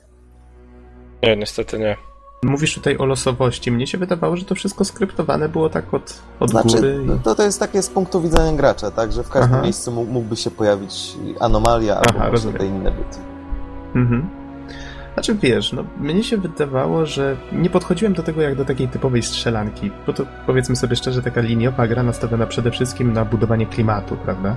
A Ale- tak chłonąłem sobie ten klimat i, i te, te historie z anomaliami, to tak traktowałem bardziej jako taki smaczek, dodatek do tego całego świata. Tylko właśnie ja myślę, że ten motyw jest bardzo ciekawy i trochę Mhm. szkoda, że go nie wykorzystali. Tak widać, że tego brakuje, przynajmniej mi. Mhm, może w Natomiast- kolejnej części. No ja mam taką nadzieję, że, że jednak będzie tak. Natomiast jeśli chodzi o sam klimat, na przykład no, w tunelach metra naprawdę niesamowicie się chodzi, tak samo na powierzchni. Yy, ja pamiętam, że pierwszy raz spędziłem tam półtorej godziny na powierzchni i naprawdę było to przyjemnie, nieprzy, przyjemnie nieprzyjemne, takie wręcz przygnębiające troszeczkę. W sensie kręcisz się po tych budynkach, widzisz te wszystko ośnieżone, coś tam, wiatr hula, yy, przy, przez te wszystkie pomieszczenia i po prostu słyszysz tylko własne myśli i, i, te, i tak wędrujesz. I to naprawdę mnie urzekło. Myślę, Taro, że najlepsze Buro. określenie to jest przyjemnie nieprzyjemne. Właśnie to, to mnie Mhm. bardzo ujęło. Tak, czyli cały krajobraz szaro-bury, właściwie wyprany z kolorów, jakieś huśtawki czy, yy, czy inne właśnie takie elementy podwórkowe, wszystko opuszczone. Tak, Ma ale to swój klimat. Właśnie ten klimat, jak mówicie, ja się czułem taki dosłownie otulony w ten klimat, tak? Ciasne korytarze, taka ciemna atmosfera. Nie wiem, nie wiem co ta gra miała w sobie, ale faktycznie ten klimat się zapamiętuje na długie miesiące. Ja do dzisiaj tę grę bardzo, bardzo dobrze wspominam właśnie za ten klimat. Mhm. Tylko wiecie, co mi osobiście brakuje, jakby, żeby była większa, y, większa możliwość y, chodzenia samemu, żeby poziomy były większe, żeby mógł troszeczkę bardziej poczuć się przygnębiony, że się tak wyrażę, z powodu tego, że na przykład jestem na powierzchni albo sam w tunelach gdzieś się kręcę. Jednak myślę, że trochę tego było za mało. Ale idąc dalej, y, jeśli chodzi o tempo gry, y, im dalej jesteśmy w grze, tym wydarzenia są coraz ciekawsze. I to jest bardzo na plus, bo jeśli gra się w, dobrze skomponowaną grę fabularnie, no to jednak mimo wszystko czuć jakby tą satysfakcję i z kolei ciekawość, co będzie dalej. I w tym Mhm. wypadku zup- y, całkowicie tak było, więc duży plus y, dla twórców. Natomiast jeśli chodzi o poziom trudności, nie wydaje mi się, żeby jakoś specjalnie rósł. Y, Jakoś nie czuć było, że, że powiedzmy im dalej w grze, tym bardziej wymagający przeciwnicy. To było mniej więcej na takim samym poziomie. I tu z kolei mały minus. Natomiast y, na początku pojawia się retrospekcja, która moim zdaniem jest trochę rozdmuchana. I mimo wszystko to jest zabieg, który nie powinno się stosować do pierdół. A to właśnie była pierdała.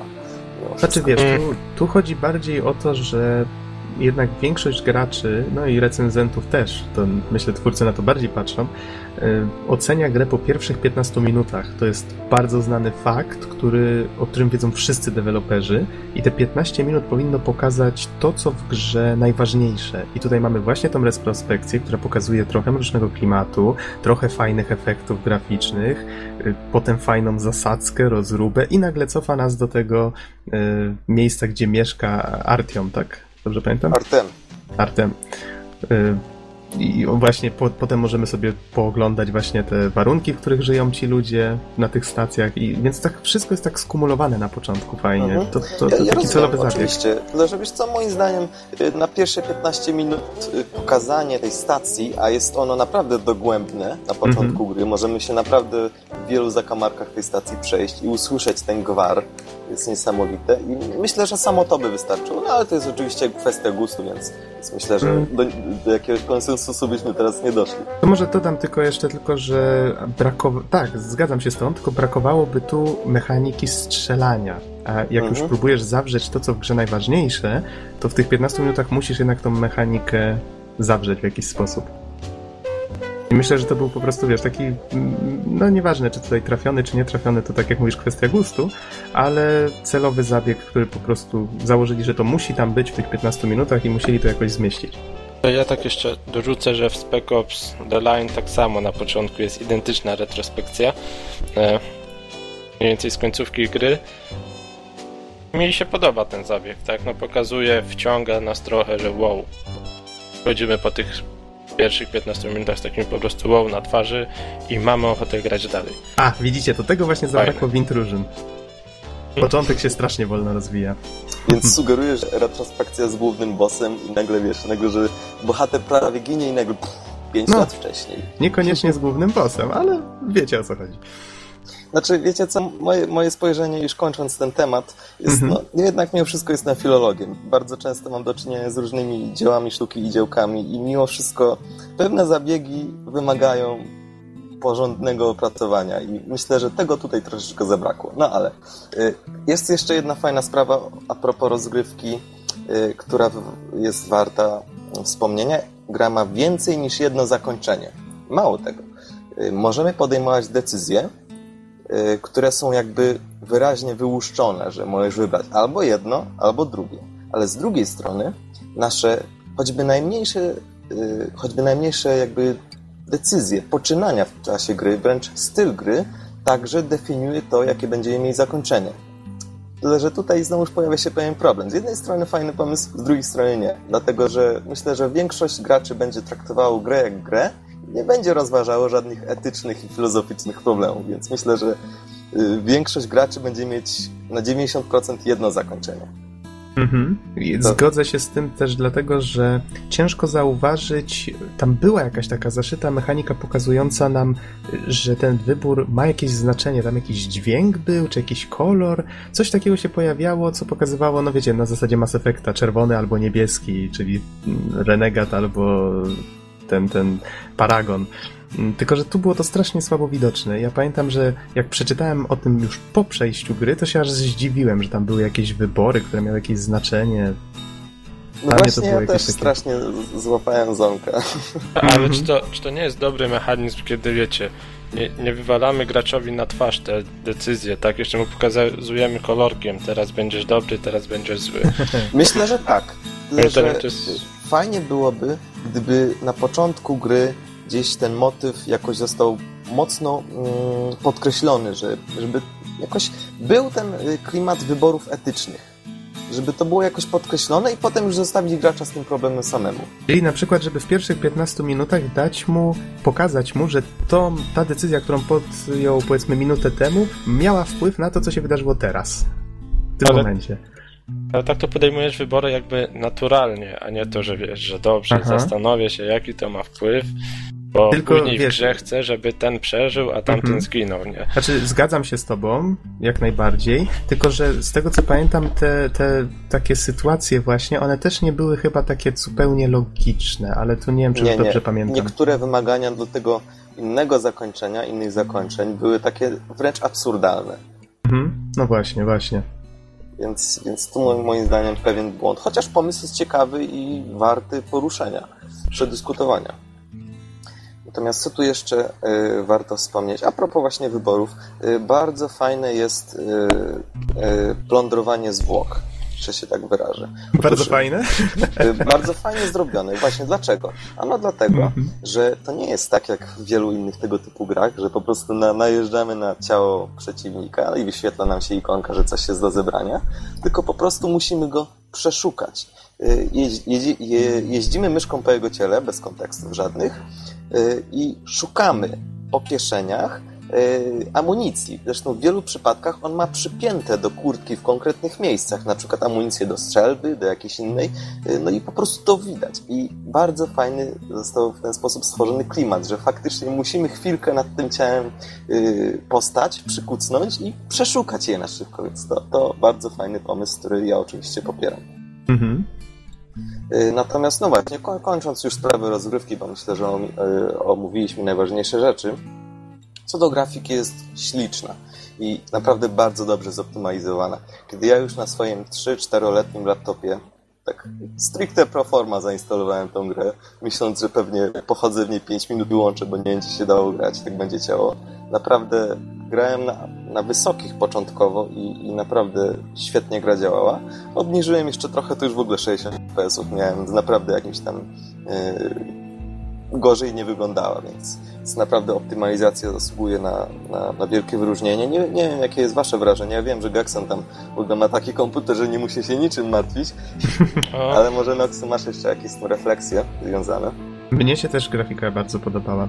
Pamiętam, Ja że tak. potrafili się bawić światłem, właśnie budować nastrój różnymi tego typu zabiegami. Bardzo fajnie to, to wyglądało. Przede tak wszystkim, wiesz, mrok, tutaj zabawa światłem ma duże znaczenie, no bo przecież akcja dzieje się przede wszystkim pod ziemią, prawda? Mhm. e, ja tak dodam, że przede wszystkim gra wspiera Directa 11. Ty nie mogłeś go wykorzystać pewnie, skoro starszy Mhm. laptop. I no i krótko mówiąc, faktycznie wam oczy będzie pieścić na wszystkie możliwe sposoby, jeżeli macie mocną kartę graficzną.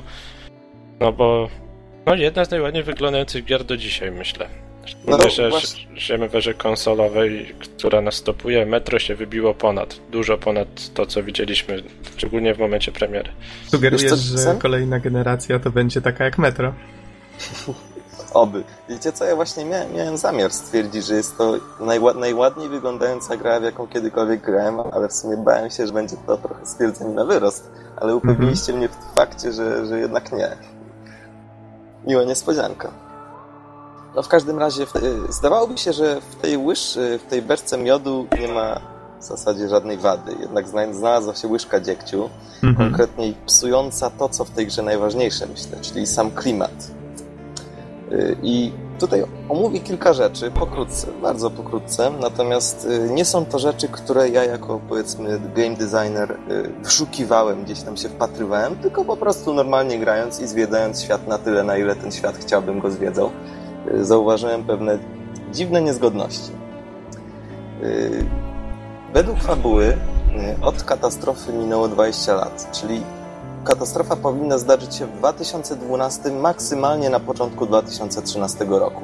Mhm. Y, No to dlaczego w ważnej instytucji rosyjskiej mamy telefony analogowe?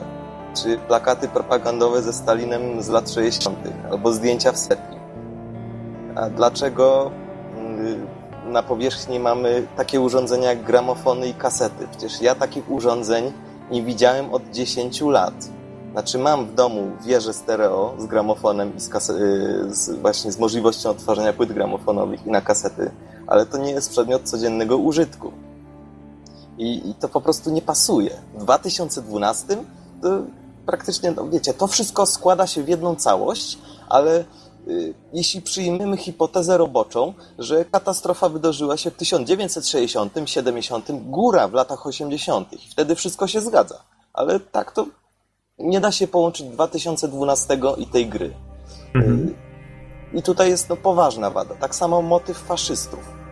Otóż zacznijmy od tego, że, że właśnie jest no, taka frakcja faszystów, którzy upodobni, upodobniają się do Hitlera i w ogóle do III Rzeszy. Zacznijmy od tego, że między nazistami a faszystami jest różnica. To jest raz. Faszysta i nazista to nie jest to samo. Zbliżone, ale nie to samo.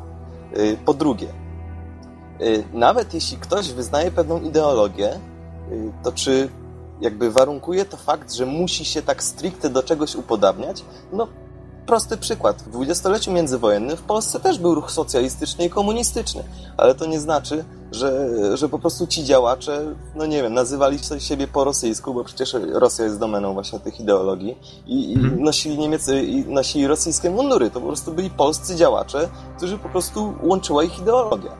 Nawet Piłsudski był początkowo socjalistą, więc po prostu tak. to cofanie Właśnie. się, upodobnianie się jest trochę dziwne. A nawet jeśli przyjmując, że jest uzasadnione, y, to po jaką cholerę znowu cofać się do II wojny światowej i przerabiać tą kalkę po raz kolejny?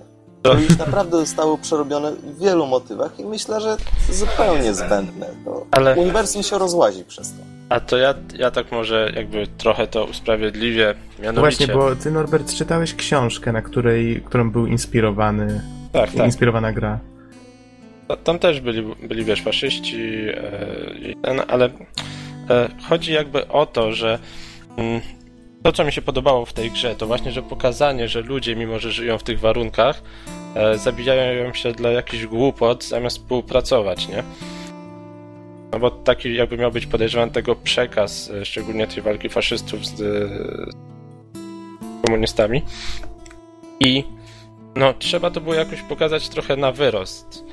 No jednak wiecie, to, to jest gra, no nie możesz pokazać tego, że ich poglądy się różnią, no bo człowiek nie zajrzy do, do ich mózgów, nie, nie będzie w grze słuchał e, wielkich dysput na temat y, polityczne, czy, czy taki ustrój jest lepszy, czy inny. No, to jest takie uproszczenie na potrzeby gry, moim zdaniem. No, wiadomo, może to psuć klimat, no ale niektórych rzeczy nie da się zrobić inaczej. Wiesz co, nie zgodziłbym się. Moim zdaniem wystarczyłoby powiedzieć. Zresztą to, co zostało powiedziane. Walczą faszyści z komunistami. I ci wyznają, wiadomo, wiadomo jakie są, są ideologie, kto co wyznaje. No, no i już, no i są zwolennicy jednej strony, są zwolennicy drugiej strony. Myślę, że takie upraszczanie jest takie... Ja się czułem trochę obrażony. Że, że po prostu no, takie, taki banał. I to jeszcze druga wojna światowa w 2012. No hello! A, ale... jak, jak daleko ludzkość może się cofnąć? No właśnie o to chodzi, że się, Właśnie o to chodzi, że się cofnęła i to bardzo, bardzo, tak, i gra no, to podkreśla. I o to chodzi, tyle że chyba nagle nie zaczniemy nosić niemieckich mundurów. I... W sumie zabrzmiało to, jakbyśmy się cofnęli bardzo, bardzo, bardzo. No ale dobra, skończmy. No w każdym razie jest kilka detali, które już tak trochę wymienię szybko. Y, wiele postaci, jedna twarz. Tak sobie to zanotowałem w notatkach. Y, spotkałem Hanna, jest taka postać, i potem drugi raz w grze patrzę Han, o, skąd on się tu wziął? Ej, dlaczego on mnie nie poznaje? Czyli mamy jedno rozwiązanie. Albo to czorni Homo novus y, sklonowali Hana, wysłali jego kopię i w ten sposób próbują w naszych szeregach zrobić klony, które i po prostu nigdzie nie jest bezpiecznie. Albo po prostu twórcy gry zrobili dwie postacie o tej samej twarzy problem jest o tyle śmieszny, że na przykład y, w jednej scence mamy korytarz i po y, dwóch stronach tego korytarza, czy dużego pomieszczenia, stoją dwie postacie o tej samej twarzy. Nie, nie, nie, to nie pasuje. Lustro. Y, Don, a czy Han miał, Han miał na nazwisko Solo? Nie, nie, on, on Han taki Chingis Han. a, sposób. ten, z tych Hanów, okej. Okay. Tak, kolejna sprawa, która troszeczkę zniszczyła klimat Y, wszyscy w metrze, czy to żebracy, czy to zwykli cywile, ciepłe kurtki, zwinięci w kłębek, trzęsie się z zimna. Y, dziewczyna, która idzie w takim sweterku z odkrytym brzuchem. Hello. To nie była prostytutka, pokazali prostytutkę, to nie była prostytutka. Dziwne trochę. Inna rzecz, trochę mnie denerwująca. Twórcy nie opanowali za bardzo odbierania kontroli nad postacią. Filmiki były w różnych konwencjach, czasem z pierwszej osoby, czasem nie z pierwszej osoby, czasem w momentach, kiedy naprawdę nie byłoby to potrzebne odbieranie kontroli graczowi. No cóż, tak sobie to wymyślili, ale, ale jednak jednak y, jest to na minus. Oraz kolejna taka dosyć istotna rzecz już na sam koniec, bo chyba mi tu pis, piszecie, że za długo już gadam. Y, powierzchnia Mhm. właśnie. To jest jedna z najciekawszych i jedna z trochę, trochę kulejących elementów, dlatego że z jednej strony czasami y, było wyraźnie widać, tędy się nie da przejść, a z drugiej strony czasami próbowałem przejść w jakieś miejsce, okazało się w połowie drogi, że natrafiałem na niewidzialną ścianę. I, i tak w wielu miejscach to, to się zdarzało. I na przykład na, na pierwszy raz na powierzchni zamiast y, 40 minut spędziłem chyba półtorej godziny, dlatego że, że po prostu przejście, które wyglądało jak przejście, było tak naprawdę niewidzialną ścianą. Więc, więc tutaj pewien, pewien, pewna wada jednak jest. Tak, takie rzeczy Natomiast już zazwyczaj... podsumowując, Takie rzeczy, takie rzeczy zazwyczaj y, są po prostu domeną pośpiechu. Mhm. Także jednak to było dosyć poważne, bo ja jako zwykły gracz no, gubiłem się, nie wiedziałem o co chodzi w pewnym momencie. Mhm. Tutaj nie, niewidzialna ściana. Tutaj może niewidzialna ściana. Tu jest jakaś deska, może tamtędy niewidzialna ściana. O, co, o coś, coś takiego to było, nie? Natomiast już podsumowując, żeby nie przedłużać, y, Metro 2033 naprawdę bardzo przyjemna i dobra gra. Ja chociaż posiadam już jej wirtualną kopię na Steamie, muszę kupić fizyczną, bo po prostu na to zasługuję. Y, I co tu jeszcze powiedzieć? Przyjemka, y, strzelanka całkiem przyjemna, głównie ze względu na klimat. Ale wiecie co? Nie traktujcie tego 2012 poważnie. Lepiej przyjmijmy sobie hipotezę roboczą lata 60., góra 80. i wszystko będzie grało. Czyli ja osobiście polecam, by była bardzo przyjemna, choć pozostawiała lekki niedo- niedosyt, mimo to polecam. Okej. A skąd wiesz, Don, że ja nie korzystam ciągle z y, telefonu analogowego? He? Może A. korzystasz? A, widzisz, widzisz. Ja się przygotowuję do podcastu pisząc na maszynie takiej stuk, stuk, stuk, stuk, stuk. Napędzaną na ten, e, na pedały, tak jedziesz na rowerku równocześnie. On ma, on ma wiesz, wszystko z ery steampunku, więc on ma Muszę dorzucać do pieca. na parę maszynę. Nie no, ale tak zupełnie poważnie, to gdyby nie dwa płaskie monitory, wrak w kształcie Forda Focusa i w, w jednym momencie pociąg nowoczesny, no to pff, lata 60., 70., naprawdę. Zupełnie inne skojarzenie. Miałem wrażenie, że to w ogóle w ostatniej chwili się zdecydowali, że jednak będzie 2012. Mhm. Ale wiesz, mi- mimo wszystko klimat jest, jest fajny w tego typu grach, nie ma co narzekać. Wiesz, to tak samo ze Stalkerem. Jak patrzysz na tych Stalkerów, którzy siedzą przy ognisku, grają na gitarce, jedzą z puszek i ogólnie rzecz biorąc mają na sobie cały, te, y, cały ten ekwipunek, te maski przeciwgazowe, to, to, to ma w sobie jakiś taki staroradziecki klimat, nie wiem. No właśnie chyba chodziło o oddanie te, tego rosyjskiego klimatu i stąd te rzeczy, no bo jednak to się jakoś nam kojarzy z Rosją. Nie to, żeby była taka zacofana. Nie, dzisiaj Rosja nie jest już zacofana. No właśnie w tym problem. Nie jest, a jest. Pokazana, że jest zacofana, ale to jest ukraińskie studio, więc można tutaj... Wiesz, jeszcze nie wiesz, jak będzie wyglądał koniec świata. Może pierwszego dnia wszystkie telefony zamienią się w analogowe. A może właśnie chodziło o to, że elektronika wysiadła. O, na przykład, Bo- przecież jak bo- nie ma satelity, to nie ma tych wszystkich hejplowskich wynalazków, nie? Nie, nie, bomba atomowa też generuje potężną falę elektromagnetyczną i przepala A. większość elektroniki. No właśnie, o tym żeśmy zapomnieli przecież. Mhm. Proszę, bardzo dobrze, żeś zwrócił uwagę. A, no właśnie. Dobra, kończmy podcast może. No wszystko nie wiem, skąd oni znaleźli tyle tych telefonów analogowych. Co, sami sobie wyprodukowali? W magazynie ze starociami? No come on. Chociaż nie, Don, oczywiście też masz rację, wiesz, to jest ciekawa uwaga, co nie? Ale to, co Norbert tutaj ten, ten wniosek też, też ma sens. Mhm, no tutaj się muszę zgodzić, że jest to pewien poważny argument, ale jednak mimo wszystko grze nigdzie nie jest to wytłumaczone. Chociaż wydaje mi się, że rozwiązań chyba prędzej w książce trzeba by było szukać, bo to ona stworzyła ten świat. No ale dobrze, rozumiem, że kończymy na dzisiaj, tak? W takim razie, słuchajcie, to jeszcze pamiętajmy, święta się zbliżają. My chyba mieliśmy jakieś życzenia tu wymyślić. Czy ktoś z was jest przygotowany, bo jestem kiepski w te klocki. Cisza. Izonie, ty tak mało mówisz ostatnio. To, to takie wypychanie. W sensie, że ja naprzód z życzeniami świątecznymi mam, mam Mhm. Zaśpiewaj kolendę. Nie, nie, nie, śpiewać to na pewno nie będę tutaj w podcaście. O. Ale po podcaście. Po podcaście to już jest inna sprawa. No to ale, złóż życzenia, już będziemy content. Ale No to co, przede wszystkim czego możemy życzyć? Udanych świąt, dbania rodziny, żeby w piątek meteoryty nie spadły, żeby jedzenie było smaczne, żeby prezenty były fajne, żeby śniegu trochę spadło. Żebyście sobie kupili albo dostali Metro 2033, bo bardzo fajna gra. Na przykład. I No. trudno jeden mniej, bo trochę mniej fajna, ale też fajna. Żebyście Czyli ogólnie, znaleźli Wii U pod choinką albo jakąś inną swoją wymarzoną grę czy konsolę. Ale No, czyli- tylko, tylko z tych, które recenzowaliśmy w podcastach. Innych, in, innych nie wolno. Nie, innych nie wolno racy. Także podsumowując, zdrowych, wesołych, rodzinnych, no i w ogóle miło spędzonych świąt. No chyba też, chyba też e, szczęśliwego nowego roku, no bo nie wiemy, czy w przerwie świątecznej uda nam się zebrać, nagrać podcast. Ale jeżeli go nagramy, to na pewno będzie to podsumowanie 2012. To już żeśmy pod, podjęli taką decyzję, więc możecie się spodziewać, że będzie trochę retrospekcji. No i nie spędźcie całych świąt przed komputerami czy konsolami. O, bizonie. Nie bądź taki. Dobrze, w takim razie jeszcze raz wesołych świąt, no i w razie czego szczęśliwego nowego roku. Dziękujemy wam bardzo za słuchanie i do usłyszenia w następnym podcaście. Trzymajcie się. Wesołych świąt, trzymajcie się. Na razie.